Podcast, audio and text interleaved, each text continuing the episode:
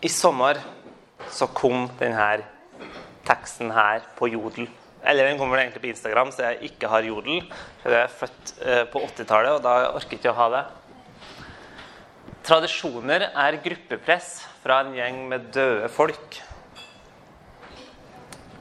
Det bet meg litt merke i den. For det sier litt, fant jeg ut.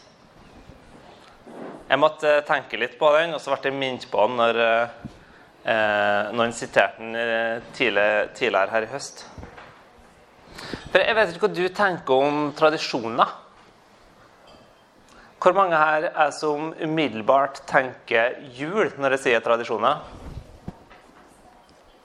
Ganske mange.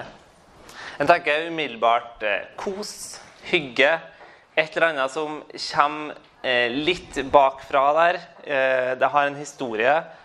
Jeg vet ikke om vi bryr oss om det. Jeg er egentlig ikke så glad i liksom, tradisjonen, men det er litt hyggelig likevel. Vi godtar det sjøl om vi egentlig ikke forstår det. Kanskje irriterer du deg over tradisjoner og alt mulig sånn. Og for oss, eh, Hvis noen av dere har litt erfaring fra kirkeliv eller organisasjonsliv, og sånn, så vet dere kanskje at det er en påstand som ofte kommer. Det er sånn Men sånn har vi jo alltid gjort det. Sånn gjør oss det her. Og jeg har irritert meg grønn over den påstanden i mange sammenhenger. Sånn gjør oss det her. Er en sånn meningsløs påstand for meg. Men hvis, og sånn har vi gjort det. Men det fins jo gode argument for å gjøre det på en helt annen måte. Kanskje sier det litt om meg og min generasjon og oss og vår generasjon. Jeg skal ta ett spor til før jeg begynner å fortelle. Det her er min bestefar. Han er død nå. Han ble kristen da han var 18 år. Men nå må dere misforstå meg rett, fordi han var døpt. Og han var konfirmert før den tid. Og han kunne helt sikkert mange flere bibelfortellinger enn oss som sitter i rommet her. For da han lærte på skolen, Han kunne helt sikkert flere salmer.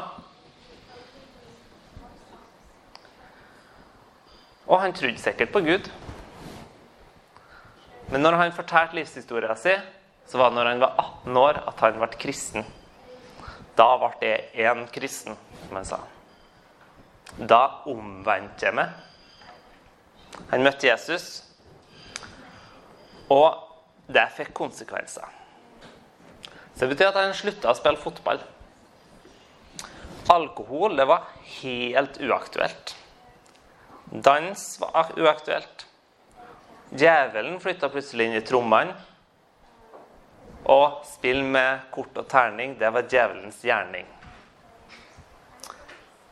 Og i dag så sitter jeg og liksom humrer litt over den, det tankegodset der. Hvorfor, hvorfor, var alle de der ytre tingene Hvorfor var det dem som var så skumle? Mest sannsynlig så dere, dere her som har kristen bakgrunn, har helt sikkert vært borti både trommer, kortspill, terningsspill Vet ikke, har sikkert tatt et slag med 10 000 en gang. Um, og mange her drikker alkohol, og oss har noe som heter kristen idrettskontakt. Men bestefar han vendte seg bort fra alt det der. Fordi han levde i en kultur som var betydelig prega av kristendommen. Alle trodde på Gud. Så faren var han skulle bli så lunken sånn som alle andre. Og til meg så ringte litt sånn ekko tilbake til Johannes døperen i Lukasevangeliet, som er jøde og snakker til jøder. Dette var før Jesus har åpenbart seg, før Jesus var døpt og begynt sitt virke. Så her er en jøde som snakker til jøder i et jødisk land der alle tror på én Gud. Så sier han ganske brutalt til denne gjengen, som alle er jo egentlig innafor. Ormeyngel. Hvem har lært dere hvordan dere skal slippe unna den vreden som skal komme? så bær da frukt som svarer til omvendelsen. Og begynn ikke å si til dere selv, vi har Abraham til far. For jeg sier dere, Gud kan reise opp barn for Abraham av disse steinene. Øksen ligger allerede ved roten av trærne. Hvert tre som ikke bærer god frukt, blir hugget ned og kastet på ilden. En sånn brutal tekst om hvordan Johannes snakker til dem som allerede er innafor. De har en tanke om at hvis du var av Abrahams ett, så var du på en måte frelst. Du var i Guds folk. Men likevel så sier liksom um, Johannes at Gud kan reise opp barn for Abraham av disse steinene. Og Det var en del av tankegangen som, som lå bak vekkelseskristendommen, som vi har så mye å takke for i Norge i dag. At det handler ikke bare om å liksom være akkurat innafor, men det handler om hvordan du lever livet ditt. At du vender det om, at du lever et liv i samsvar med det du lærer. Så bestefar han rørte ikke alkohol resten av livet. Jeg husker vi fikk en flaske rødvin eh, av noen eh, laksfiskere Jeg bodde på samme gård som bestemor og bestefar. Jeg fikk en flaske rødvin av dem. Den kom til bestemor i do. 200-300 kroner rett i dass. Han var mot dans til år 2000. Han offa seg og skrudde av TV-en hvis det var noe han ikke likte. Og jeg husker en gang at jeg og søskenbarnet mitt snek oss ut fra bestemor og bestefar for å sette oss og se Hotell Cæsar inn i huset der jeg bodde. Og jeg husker ennå det lynende blikket til bestefar når han kom inn døra og så at oss satt og så på Hotell Cæsar. Og var ti år og så på den djevelskapen. Og han traff bestemor. Det var ca. ett av sju å velge mellom på bedehuset. Og når jeg spurte dem liksom, hvordan var det dere møttes, så har de egentlig ikke noe svar. Det ble noe bare sånn, da. Og de gifta seg, og så gikk det åtte måneder og 27 dager, og så ble tante Kari født. Det var liksom bare sånn det var. Og har vi kommet til i dag. Så ser det egentlig litt annerledes ut for mange av oss. Oss eh, dater mange. Flere av de her standpunktene når det gjelder alkohol, når det gjelder sex før ekteskapet, når det gjelder eh, det heterofile parforhold, når det gjelder kjønnsidentitet Alt begynner egentlig å vri seg litt. Og det er stadig flere kristne også som ønsker å endre på mange av de standpunktene. Og mange av oss som sitter her, har nok helt andre synspunkt enn det min bestefar har. Og så er oss en del av en generasjon som mener at tradisjoner det er gruppepress fra døde folk. Det er ikke noe å lytte til. Oss vet det bærer. Oss har da masse kunnskap. Oss har da psykologi som kan fortelle oss hva som er riktig og galt, hva som er godt for mennesket. Og så har da så mye kunst og kultur og så mye godt å ta for oss av. Hvorfor kan ikke oss gjøre det? Og oss lever i et tankegods der oss sjøl mener at oss vet best. Jeg vet best. Jeg vet derfor at det er en tanke som utrolig fort kommer inn i mitt hode, og det tror jeg kommer inn i alles hode. Sjøl om jeg eh, nok har sikkert litt konservative standpunkt på en ting, så tenker jeg ofte at jeg vet best. Og det er det som samfunnet vårt lærer oss. Du vet best hva som er best i ditt liv. Du vet best hva som er best for det. Og så kan jeg gjøre det som er best for meg. Nå skal jeg være litt brutal. Den tankegangen er en ukristelig tankegang. Fordi hele denne boka her den handler om folk som ikke vet hva som er best for seg sjøl. Det er en lang historie om et par hundre folk som bare gjør dumme ting.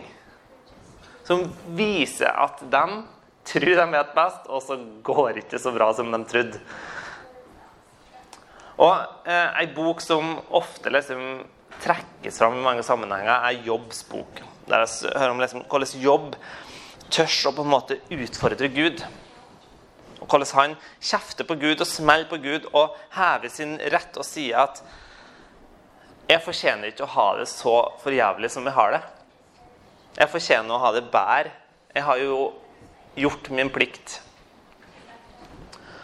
Og Jobbs bok blir i teologisk sammenheng sett på som en sånn protest mot det her um, paradigmet eller tankegodset fra 5. Mosebok om at hvis du bare elsker Herren din Gud av hele ditt hjerte, av hele din sjel, av all din forstand og hele den pakka der, så skal det gå deg godt. Og så er jobbsboken på en måte som protest mot den tankegangen. Men etter 37 kapittel med klaging og murring eh, til Gud, så møter Gud jobb. Og da er svaret hans det her.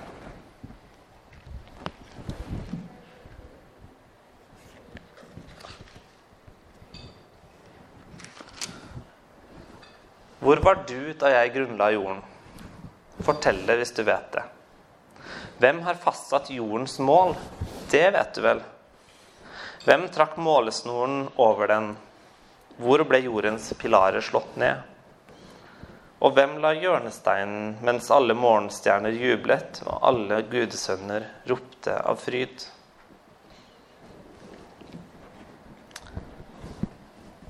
Gud utfordrer jobb på akkurat det som er vondt for ham. Du vet ikke best. Ja, du har det fælt, men jeg har litt mer kontroll enn du vet.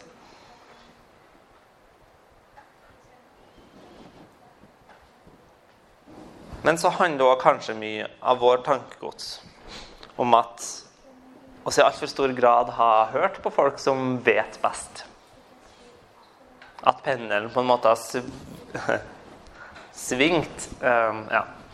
Um, at gjennom tusenvis av år så har kristendommen tredd nedover et tankegods på som ikke har vært godt. Og det er utrolig mange stemmer fra både det konservative kristne miljøet, men òg andre miljø, om hvordan et for stramt regime en for streng forstand av hvem Gud er, og hva Gud mener, at det har vært smertefullt. Ungdommer som har forlatt kirke og bedehus fordi det instrumentet de spilte på, det var synd. Eller eh, folk som har opplevd eh, utenforskap, fordømmelse pga. at de fikk et barn litt for tidlig.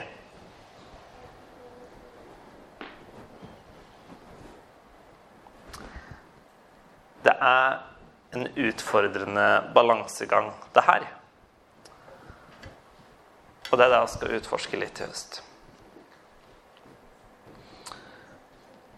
Fordi For fra Bibelens side så er jo menneskets frie valg utrolig vesentlig.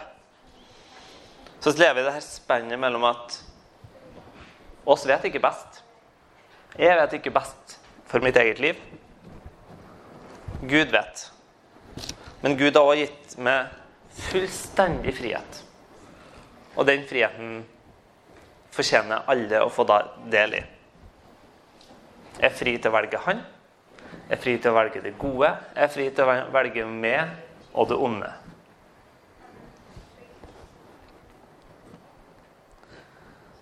Og fra Bibelens andre side så kommer det tydelig fram. Gud sier det er ikke godt for dere å spise av det treet der. Og så gjør Adam og Eva det likevel. Fordi de har fått fri vilje, og de har lyst. Og de tror det er best. Yes. Det var Ja. Nå skal jeg si litt om noen kulturhistorie. I sommer så feira Trondheim Olavsfestdagene. Og det har i mange år vært en litt rar greie for meg. Fordi at for meg så har det virka som en sånn endeløs feiring av liksom, den kristne kulturarven. Og jeg tror at oss har veldig mye i samfunnet i dag å takke kristendommen for. På ingen måte. Nei, på mange måter. Men eh, jeg syns likevel det er litt kunstig når kristne gjør sånn desperat forsøk på å gjøre Norge kristent. Norge er et kristent land. Oss har jo ordtak som kommer fra Bibelen. Um, men faktum er vel at eh, kristne ja, må vi oss prøve liksom, å være en majoritet. Som om kristne liksom, desperat prøver å knuge seg til den majoritetsposisjonen vi har. Men faktum er vel egentlig at oss kristne, som alle andre, er fryktelig dårlige på å være majoritetsfolk. Vi blir slapp av det.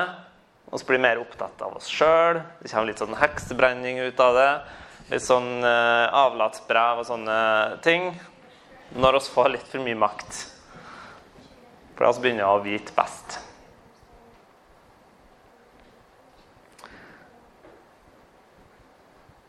Og nå tror jeg jeg har lyst til å være en ganske krass påstand. Som jeg tror, som jeg tror er befriende. Men at Norge er ikke et kristent land. Jeg tror det er best om oss bare sier det. Vi har mange trekk fra kristendommen. Og på mange måter så kan jeg si at hvis en liksom trekker en sånn linje fra ca. år null til i dag, så kan vi dele inn eh, Nå kommer verdens groveste historieforenkling. Eh, så kan vi dele oss eh, eh, periodene inn i tre. Det er en førkristen periode, og så en kristen periode. Og så er det en postkristen periode. Førkristne perioden fram til ca. 300-tallet, når Konstantin fant ut at eh, nå skal alle i Rom Romerriket blir kristen. Og så kanskje fram til sånn rundt tusenårsskiftet nå, når statsreligionen hans uh, opphør og ja, og 68-opprør og sånn. Så Derfor har jeg tegna en kjapp skisse med den eh, verdens groveste historieforenkling. Um, Førkristen, kristen og postkristen periode. Um, og så er det mange som tenker at nå har vi gått fra fra liksom eh, oss gikk fra eh, eh, full, fullt kaos med liksom masse guder, masse ting du skulle gjøre, enten om det var liksom sexguder, eller krigerguder eller alt mulig sånn. Alle gjorde sånn som det passa dem. Så kom liksom kristne perioden, superbra hele tida, ikke sant? Eh, fram til 2000. Og da er det mange som tenker da går vi tilbake dit. Eh, men det er ikke sant. Fordi at nå lever vi i en tid som definerer seg mot det som har vært. På samme måte som Bibelens forfattere definerer seg mot Romerriket, mot det gamle jødiske, så definerer vår kultur seg mot kristendommen. Og det er mange som kanskje kan kjenne igjen at hvis det er noe som får et lite sånn snev av sånn kristendomsgreier i en debatt på seg, så blir det full fyrings. Hvis det liksom er de eh, kristenkonservative mot, eh, mot de undertrykte, så er det, da er det full oppstandelse. Det er fordi at vår kultur i større og større grad definerer oss mot det som en gang var. Men så har vi fortsatt mange ting som egentlig er kristent. Og Det er det som gjør denne perioden også er noe litt interessant. For Det er utrolig mye kristent tankegods som sitter i ateistiske hjerner i Norge. Det ene er at vi forstår historie som linært, en begynnelse til en slutt. Det ene er tanken om nestekjærlighet og solidaritet. Det, det tredje er ja, kvinnefrigjøring. Det fjerde er menneskets frie valg. Og Det femte er kanskje den der tanken om at du har rett på det du har, det er ikke mitt. som gjorde at liksom, kristendommen var en veldig effektiv måte å, å få slutt på plyndring og den typen ting. Så kan jeg si det er mange ting. Mange ting som, som kommer fra kristendommen, som også har tatt med oss. Og det her er jo en forenkling. Men poenget er at vi vil gjerne ha de her gamle, gode kristne verdiene. Men vi har egentlig forlatt kilden. Sånn at samfunnet vårt tror ikke lenger på Gud. Det er ikke sånn at oss er et kristent land, oss tror på Gud. Det tror jeg få som vil si at alle her tror på Gud. Så vi har på en måte forlatt kilden og så kutta kilden til Gud. Så har vi gått litt videre. Så lever oss med på en måte ettervirkningene, bivirkningene av kristendom på godt og vondt.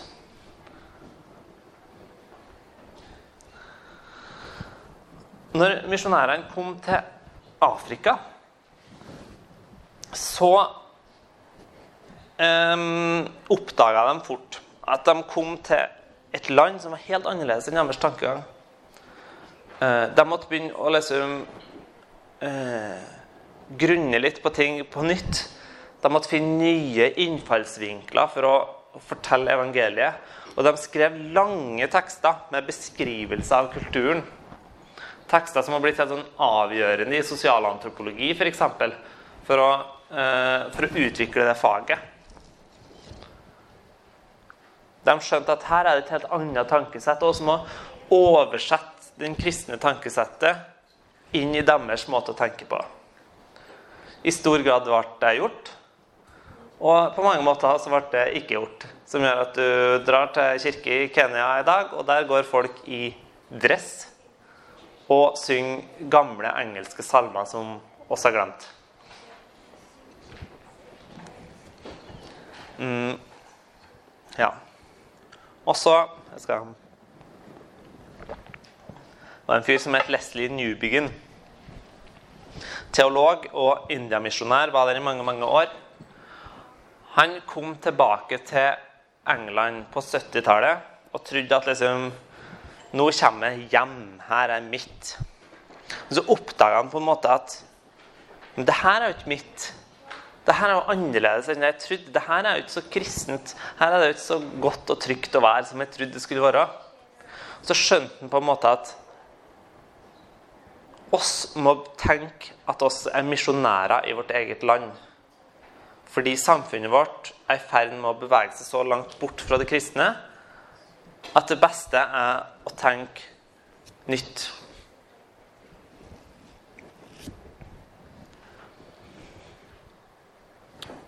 Ja, oss må tenke hvordan kan oss nå det samfunnet som oss lever i dag? Hvordan skal oss snakke moral og etikk inn i et nytt samfunn? Og det er ikke så lett å lære av, av dem som diskuterte etikk mot uh, balgudene. Eller andre former. Vi diskuterer etikk mot, eh, mot psykologi eller mot idévitenskap eller den type ting. Og så må forstå kulturen vår, tror jeg. Og Det er litt derfor vi har valgt det temaet her. Fordi at det er tema der kristendommen har vært utrolig streng. Som det nye samfunnet etter 68-opprøret og skal trekke lenger linja tilbake, har på en måte kasta seg litt over og sagt det her ønsker oss frigjøring på. Og hvor går grensen for det som er godt og sunt kristelig sett, psykologisk sett. Og det som blir destruktivt. Når beveger vi oss så langt bort at vi på en måte kan si at det her er et Guds vilje lenger? Eller når, når er vi på en måte innafor det som kan sies å være vårt handlingsrom som frie mennesker i nåden?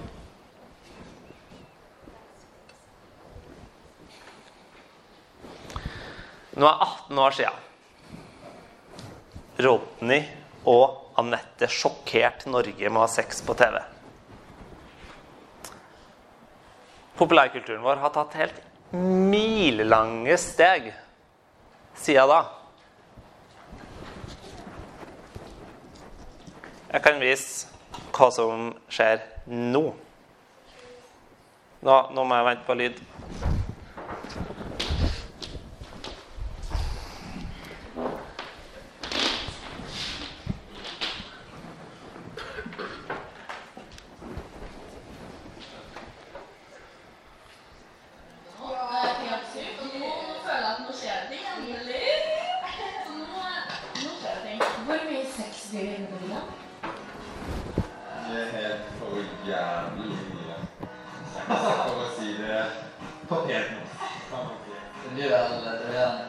Det up, da. Det er jo Det eh, er kos, kan man si. ikke slik hvis det hvis jeg sier ti hakk. Det er drøyere. Du kommer inn der, har dine standarder, du har liksom ja, din filosofi, da, og så er det altså. I fjor fikk du oppleve sexkamp på Ex Fish. Eh, Hva skal toppe det i år? Ja, ja altså, det- stopp en der. Det er nok. Um, men um, det forteller noe om et samfunn som ønsker å ta skrittene lenger. Som ønsker å definere seg fra det som var. Og liksom, oss, oss vil frigjøre oss fra det som har vært, og så vil oss bli enda, enda mer radikal, enda mer fri, enda, enda mer jeg gjør akkurat det som jeg vil. Men så er spørsmålet er sånn at jo mer oss gjør det oss vil, jo mer blir oss fanga av det. Sex, drugs and rock'n'roll, den hedonistiske treenighet. Det handler jo egentlig om at oss får lyst til å gjøre det akkurat jeg har mest lyst til her og nå. Nå har jeg lyst til å dra til London, sjøl om jeg får masse flyskam. Eller nå har jeg lyst til å se på porno, sjøl om det å gi skam og ikke er bra. og alt sånn. Nå har jeg lyst til å drikke alkohol. Hvor går grensen der? Når blir jeg fanga av min egen lyst til å gjøre ting? Og når gjør jeg det fordi at det er godt, det er innafor, og skal ikke være så streng? Jeg skal avslutte med noen bibelreferanser. Om to, med to personer, spesielt én. Og det er Paulus, og det er um, Og det er um, Peter. Paulus, som uh, ble en disippel etter å ha fått et møte med Jesus etter han var død, død og stå opp igjen, så gikk han rundt og prøvde å slakte kristne. og Så møtte han Jesus, og så fant han ut at det var en dårlig idé, og så skulle han følge Jesus etterpå. Eh, Paulus var en misjonær for hedningene, for grekerne, dem som eh, Ja. Um, de som ikke har noen, noen form for sånn jødisk bakgrunn. Mens Peter han så mer på seg sjøl Peter var en av Jesu nærmeste venner, disippel. Han så mer på seg sjøl som en eh, profet eller en apostel inn i mer jødiske miljøet. Så Derfor så er Bibelen, spesielt Nytestamentet, skrevet med brodd mot to forskjellige kulturer. Det er den jødiske, den strenge, eh, omgjort å oppføre seg bra, eh, streng seksualmoral, eh, alt, eh, streng, eh, st ja, streng matmoral, streng alt. Eh, og så var det mer den den greske og romerske, som var mye mer fri. De har liksom tempelprostituerte. Du gikk i kirka og fikk deg et ligg samtidig. Det var fint, alle var glad. Og de drakk eh, alkohol. Og så, hvis de gikk på do, så gikk de på sånn felles latriner der hele, hele, hele samfunnet satt og dret samtidig, og det var kjempehyggelig. De har liksom en helt annen type grenser. da. Um, så at Bibelen er skrevet inn i denne kaosverdenen. Men liksom skal prøve å finne ut litt av det her. Og kanskje noen som kjenner seg litt igjen. Kommer fra et eh, konservativt bedehus på Sør-Vestlandet, og så kommer jeg hit til Trondheim, og her er det ville tilstander, fadderuke og alt. Hvordan skal jeg forholde meg til det? liksom?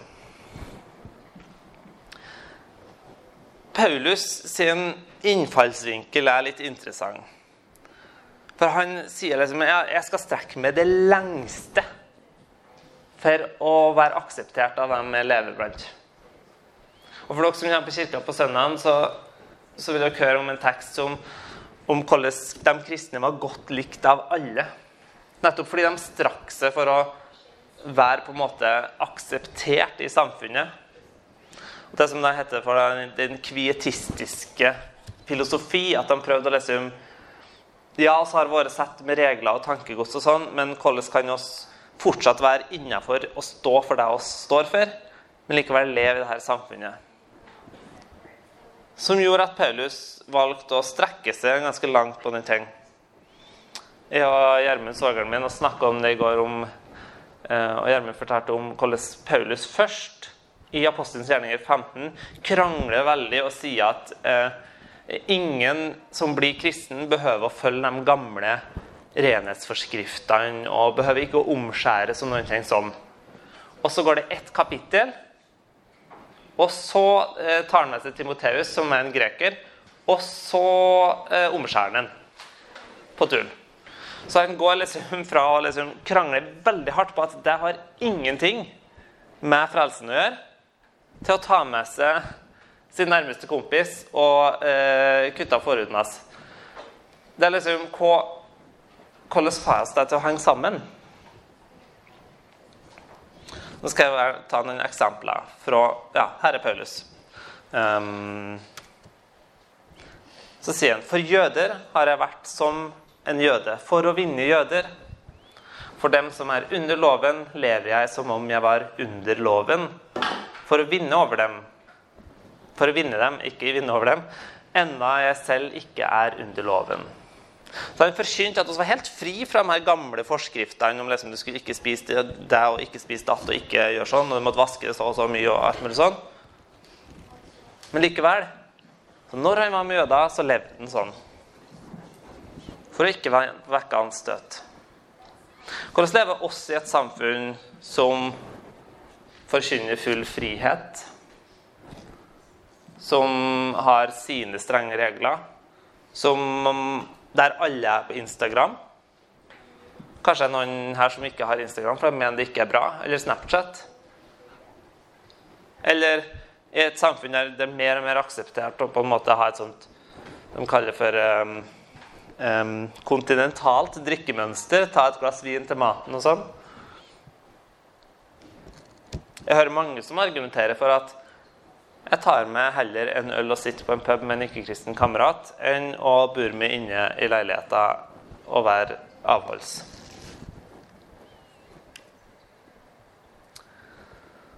Men samtidig så erkjenner liksom Paulus da, at det her kristne budskapet det er så radikalt at det, liksom, det bryter med det samfunnet vi lever i. Det provoserer. For jøder spør etter tegn, og grekere søker visdom. Men vi forkynner en korsfestet Kristus. Han er en snublestein for jøder og dårskap for hedninger. Men for dem som er kalt, både jøder og grekere, er Kristus Guds kraft og Guds visdom. Så han prøver å tilpasse det, men samtidig så vet han liksom at det budskapet han har med, det er livsstilen det han kommer med, det er utrolig provoserende. Utrolig provoserende for, eh, for eh, grekere å tenke at Gud skulle bli materie. Utrolig provoserende for jøder at Gud skulle komme til jorda og være Messias, og i tillegg dø. Helt uforståelig. Og i tillegg så er han liksom ikke bare helt sånn én, han er tre i én og én i tre og alt, hele pakka der. De ble regelrett sinte av den typen utsagn. Og så kommer Peter, som er kjempestreng i første Peters brev. Derfor skal du ikke lenger leve etter menneskelige lyster, men etter Guds vilje den tiden du har igjen å leve i kroppen. Det er nok at dere i den tiden som er gått, har levd slik hedningene vil, i utskeielser og lyster, i drikk, festing og fyll og i forkastelig avgudsdyrkelse nå undrer de seg fordi dere ikke lenger løper med dem ut i denne strømmen av utskeielser, og de spotter dere. Her er litt uklart om egentlig Peter snakker til dem som har blitt kristen, og liksom, er liksom Nå er jeg helt fri, og nå, nå skal jeg liksom stikke og uh, ha det kjempegøy i tempelet og drikke og ha sex og alt mulig sånn. Eller om han snakker til hedninger. Men uansett så er han utrolig streng på de tingene her. Og sier sånn skal ikke dere leve. Men handler det egentlig bare om sånn som det var for bestefar, at det var et behov for å ta litt avstand på en måte fra den ellers tankegodset, sånn at du kunne sette Gud først. Og at i dag så er det kanskje fullt mulig å sette Gud først og fortsatt leve med drikk, festing, fyll og utskeielser og lyster. Et siste Paulus-sitat. Hvordan skal vi forholde oss til det når han sier 'jeg har lov til alt', men ikke alt kjenner til det gode'? Jeg har lov til alt, men jeg skal ikke la noe få makt over meg. Når vet vi om det å følge våre lyster har fått makt over oss? Når vet vi når grensen går?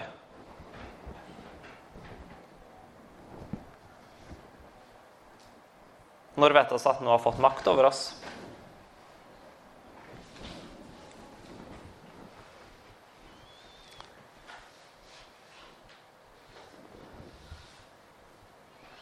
Jeg skal Mange er kanskje litt sånn Handla det her om sex, drugs og rock'n'roll, liksom? Jeg tror det. Fordi at sex, drugs og rock'n'roll handler om samfunnet vårt. Om hvordan det har utvikla seg. Og hvordan det er i ferd med å utvikle seg. Jeg tror at vi må forstå at vi lever i ei anna tid enn det Bibelen har skrevet i, enn det bestefar vokste opp i, det vi sjøl vokste opp i. Jeg tror vi må forstå kulturen. Så må vi ta avstand fra det onde og omfavne det gode. Og gå i dialog med det som er rundt oss. Yes. Jeg skal avslutte med litt samtale rundt bordet. Og da har jeg tre spørsmål. Ta tak i dem dere vil. Um, og så gjentar jeg det med å liksom um, Prøve å ha en åpen samtale, og jeg håper at jeg ikke har tråkket meg på føttene eller noe sånt. Da må jeg bare si at jeg er åpen for ja, samtale og sånn. Um, bare si ifra hvis det er noe. Uh, eller hvis dere har tanker om at det må dere huske når dere tar opp de her temaene her. Jeg er uh, tilgjengelig. Og dere kan jo finne kontaktinformasjon, så jeg behøver ikke å skrive det noen plass. For dere er flinke med sånt, tror jeg. Yes. Da kommer spørsmåla. Hva vil du si preger tidsånda vår? Og hvor langt skal vi strekke oss for å ikke vekke anstøt, som Paulus sier, eller altså ikke provosere samfunnet vårt unødvendig? Og hvor går grensen mellom å hente kunnskap og innsikt fra andre fagdisipliner, altså f.eks. psykologi og naturvitenskap, i etiske og teologiske spørsmål? Ja, der ser jeg at um, Ja, hvor går grensen? For hvor mye skal vi la kunnskapen derifra prege deres tanke om teologi og etikk? Yes. Da er det noen spørsmål. Så bare hiv seg frampå og kom med påstander. Og vær raus med å lytte. Mm.